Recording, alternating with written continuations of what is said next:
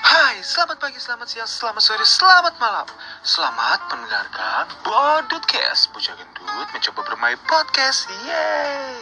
Uhuh, balik lagi di Bodutcast bersama gue Farhan Hab. Alhamdulillah Bodutcast sudah ada di episode ke empat. Yeay.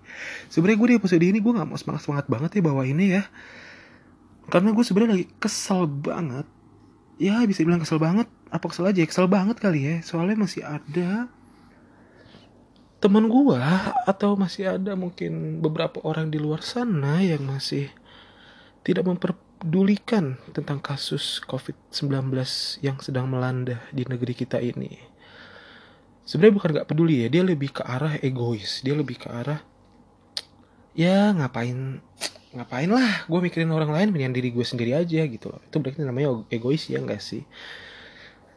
Ya sebelum gue ke masalah ini gue ingin menyampaikan juga sebenarnya ada berita duka cita ya yang sedang ramai juga di Twitter.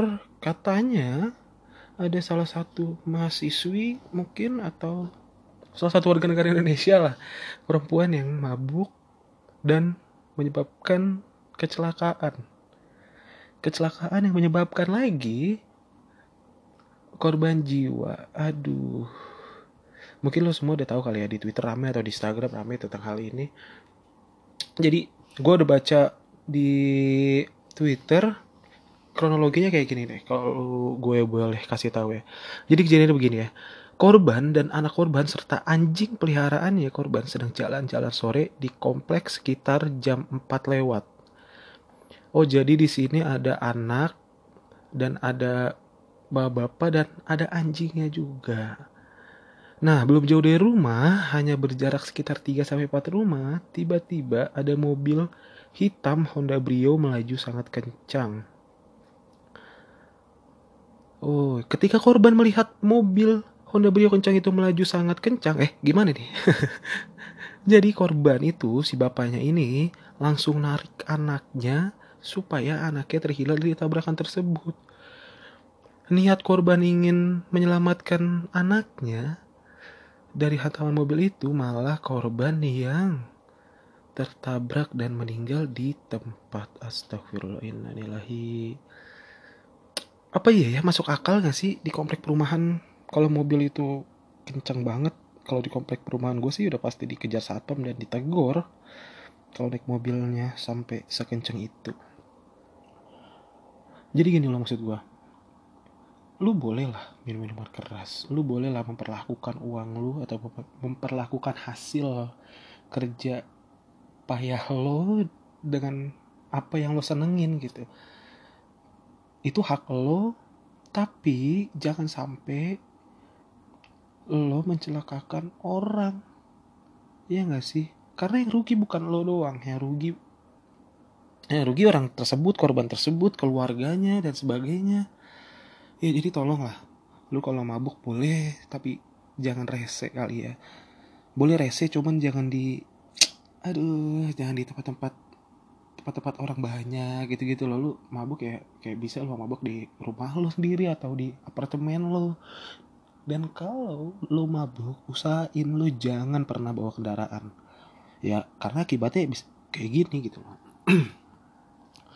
ya kalau gue lihat dari secara hukum ya kan gue juga anak hukum nih jadi gue bolehlah sedikit menerawang menerka tentang hukumnya gitu ya. Kalau dari yang tadi gue baca juga di berita ternyata si pelaku ini belum dijadikan sebagai tersangka. Baru di, baru dijadikan sebagai terperiksa Padahal udah jelas banget ya menurut gue nih ada dua pasal loh yang bisa ngejerat dia untuk jadi tersangka.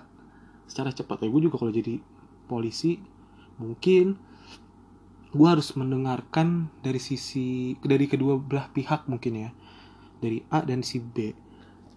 Baru bisa ngeputusin. Cuman yang gue lihat gue lihat dari kasus ini itu sebenarnya yang salah ya udah pasti yang perempuan sih ya karena dia mabuk sambil bawa kendaraan kalau dari masalah hukumnya gue ngelihat sih ada dua mungkin atau tiga dua kali ya. Yang pertama kan ada kelalaian yang mengakibatkan seseorang tuh tewas. Bener nggak? Ya karena kan ya dia mengakibatkan kematian seseorang gitu. Ya kan? Gampang sih tinggal visu gitu kan biar dia dapat pasal penganiayaan maybe atau apa? Karena kan ada bukti video-video CCTV juga kan yang udah beredar gitu kan. Dia bawa mobilnya sekencang apa dan segala macamnya katanya sih dia alasannya main handphone. Cuman kalau main handphone pun kan gak boleh. Ada juga pasal ya kan?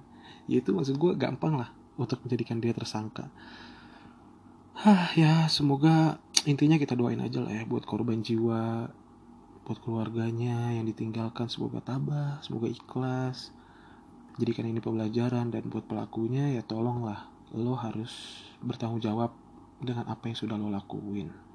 Ye gitu aja. Nah tadi gue ngebahas uh, niat ya intinya adalah gue pengen ngebahas masalah ada beberapa orang yang masih egois dengan kasus yang sedang melanda di negeri kita ini. Anjay.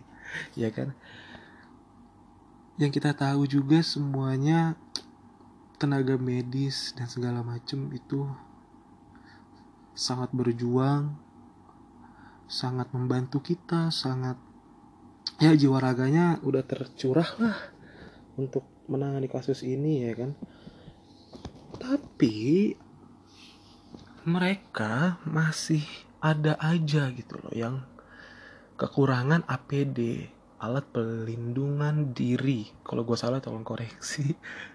Contoh kayak misalnya masker kayak misalnya sarung tangan medis kayak misalnya baju baju baju medisnya dan sebagainya gitu loh. Ternyata ada beberapa mafia juga kan mafia masker mungkin mafia sarung tangan medis atau mafia baju medis ya kan yang mencoba mengambil peruntungan. Peruntungan yang menurut gue nggak masuk akal. Anjir ya kan? Ya lu jahat lah. Kalau lu masih ngambil untung di atas penderitaan orang lain bisa bisa kita bilang kayak gitu ya gak sih? Nah temen gue juga ada nih salah satunya. Gue nggak bisa sebutin namanya siapa. Cuman dia ini kalau menurut gue orang yang sangat egois dan ya bisa dibilang mendingan lo aja deh yang mati kena corona gitu ya gak sih jadi gini dia tiba-tiba uh, dia tiba-tiba bahas uh, nge DM gue di Instagram DM kayak gini nih Hap, gue kecewa sama corona. Lu kecewa kenapa? Kata gue. Gue gak bisa main. Ya gimana dong? Uh, lu juga kan kata gue, kalau main keluar pakai APD. Kan APD lagi langka, kata gue. Nah, ini balasan dia nih ya. Sangat yang bikin gue emosi. Haha, yang penting gue beli, gak nyolong. Bisa ya dia ngomong kayak gitu ya. Yang penting gue beli gak nyolong. Maksud gue gini loh bukan masalah beli atau masalah nyolong ya ini kan masalah ke masalah masalah kemasyalat ah itulah pokoknya masalah masalah banyak orang lah masalah kepentingan banyak orang jadi dia tuh egois banget kalau menurut gue ya kan? Kata gue lu bisa gue bilangin netizen di luar lo ya kata gue. Kalau lu ngomongnya kayak gini dia balas lagi dong ah netizen tolol. Dia kalau punya uang juga beli. Mana ada sih orang mau mati? Ya Allah dia ngomong begitu loh. Bisa lo entengnya lo gak sekolah. Ya Allah. Yang begini matinya diseret-seret anjing nih gue udah tahu banget nih gue balas dengan emosi ya. Sorry kalau kata-kata kasar ya. Anjing gue punya uang. Gue bukan yang gak mau beli. Gue merasa masih banyak cara supaya diri gue nggak terpapar virus corona. Dengan cara ya nggak harus gue beli APD secara berlebihan. Nggak harus gue apa ya? Ya gitulah maksudnya. Gue nggak perlu harus beli pelatihan-pelatihan medis secara berlebihan ya contohnya tadi masker sarung tangan dan sebagainya gitu loh. Kita masih bisa ngikutin anjuran pemerintah gitu loh. Cuci tangan social distancing dan sebagainya gitu. Itu menurut gue cukup. Kayak kayak yang lagi gue lakuin aja sekarang gitu loh. Gue udah beberapa hari ya udah 14 hari mungkin gue gak keluar rumah. Ya itu juga cukup menurut gue tanpa lo harus menimbun masker-masker lo harus menimbun sarung tangan sarung tangan medis di rumah lo hanya untuk keperluan pribadi lo. Aduh ini menurut gue sih mas udah di luar akal sehat gue ya gak sih? Ya kata gue kecuali ya kecuali ya dia dia ini orang yang menangani secara langsung dalam arti tenaga medis gitu loh. Ini kan dia warga negara biasa. Dia nggak nggak nggak nggak keluar keluar rumah juga gitu loh. Selainnya keluar pun dia dalam mobil yang gue tahu di Instagram. Ya. Ya dia ya dia begitulah. Dia langsung bales dong. Tapi gue nggak peduli anjing. Yang penting diri gue aman. Ay, dia ngomong begitu dong. Dia ngomong yang penting diri gue aman. Gue nggak peduli. Artinya ya ya udah gitu. Dia punya stigma di dalam pikiran dia ngapain sih gue mikirin orang lain? Yang penting gue sehat gue aman gue gak terpapar. Mau lo terpapar ya bodo amat itu urusan lo berarti kalau nih orang terpapar harusnya sih tenaga medis bodo amat kali ya nggak usah ngerawat dia ya. Biarin aja dia nyebarin nyebarin nyebarin virus deh. Ya kan? Kalau bisa nggak usah dirawat biar mati kubur selesai. Nggak lah. Ya ya semoga sih buat kalian ayolah maksud gue ini kan masalah kita bersama. Mari kita lawan bersama mari kita berjuang bersama. Nggak melulu tentang ini diri lo yang sehat ini tentang keluarga lo yang sehat. Ini tuh tentang kita semua harus sehat gitu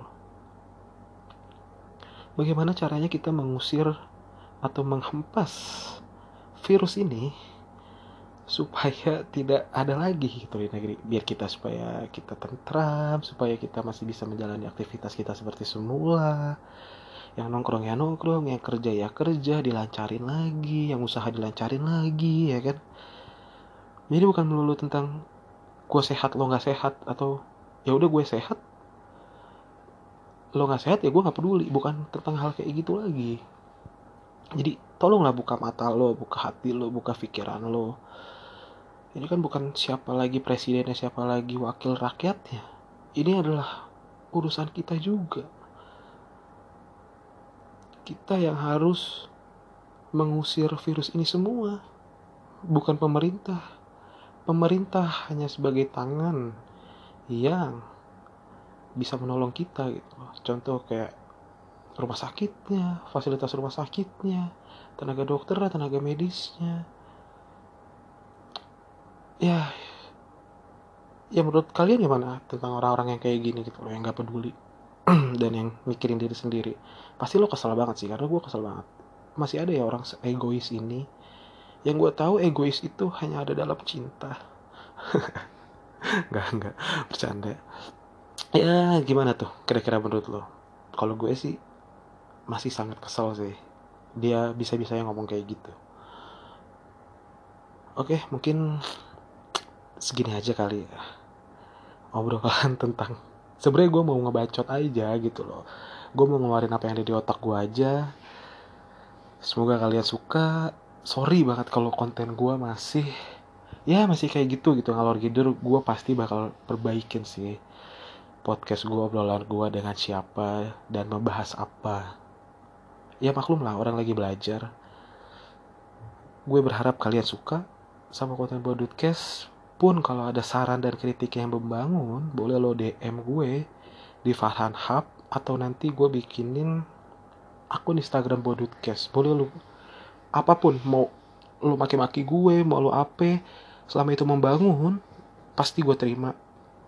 Thank you semuanya yang sudah mendengarkan episode Bodutcast episode keempat Dadah, have a nice day.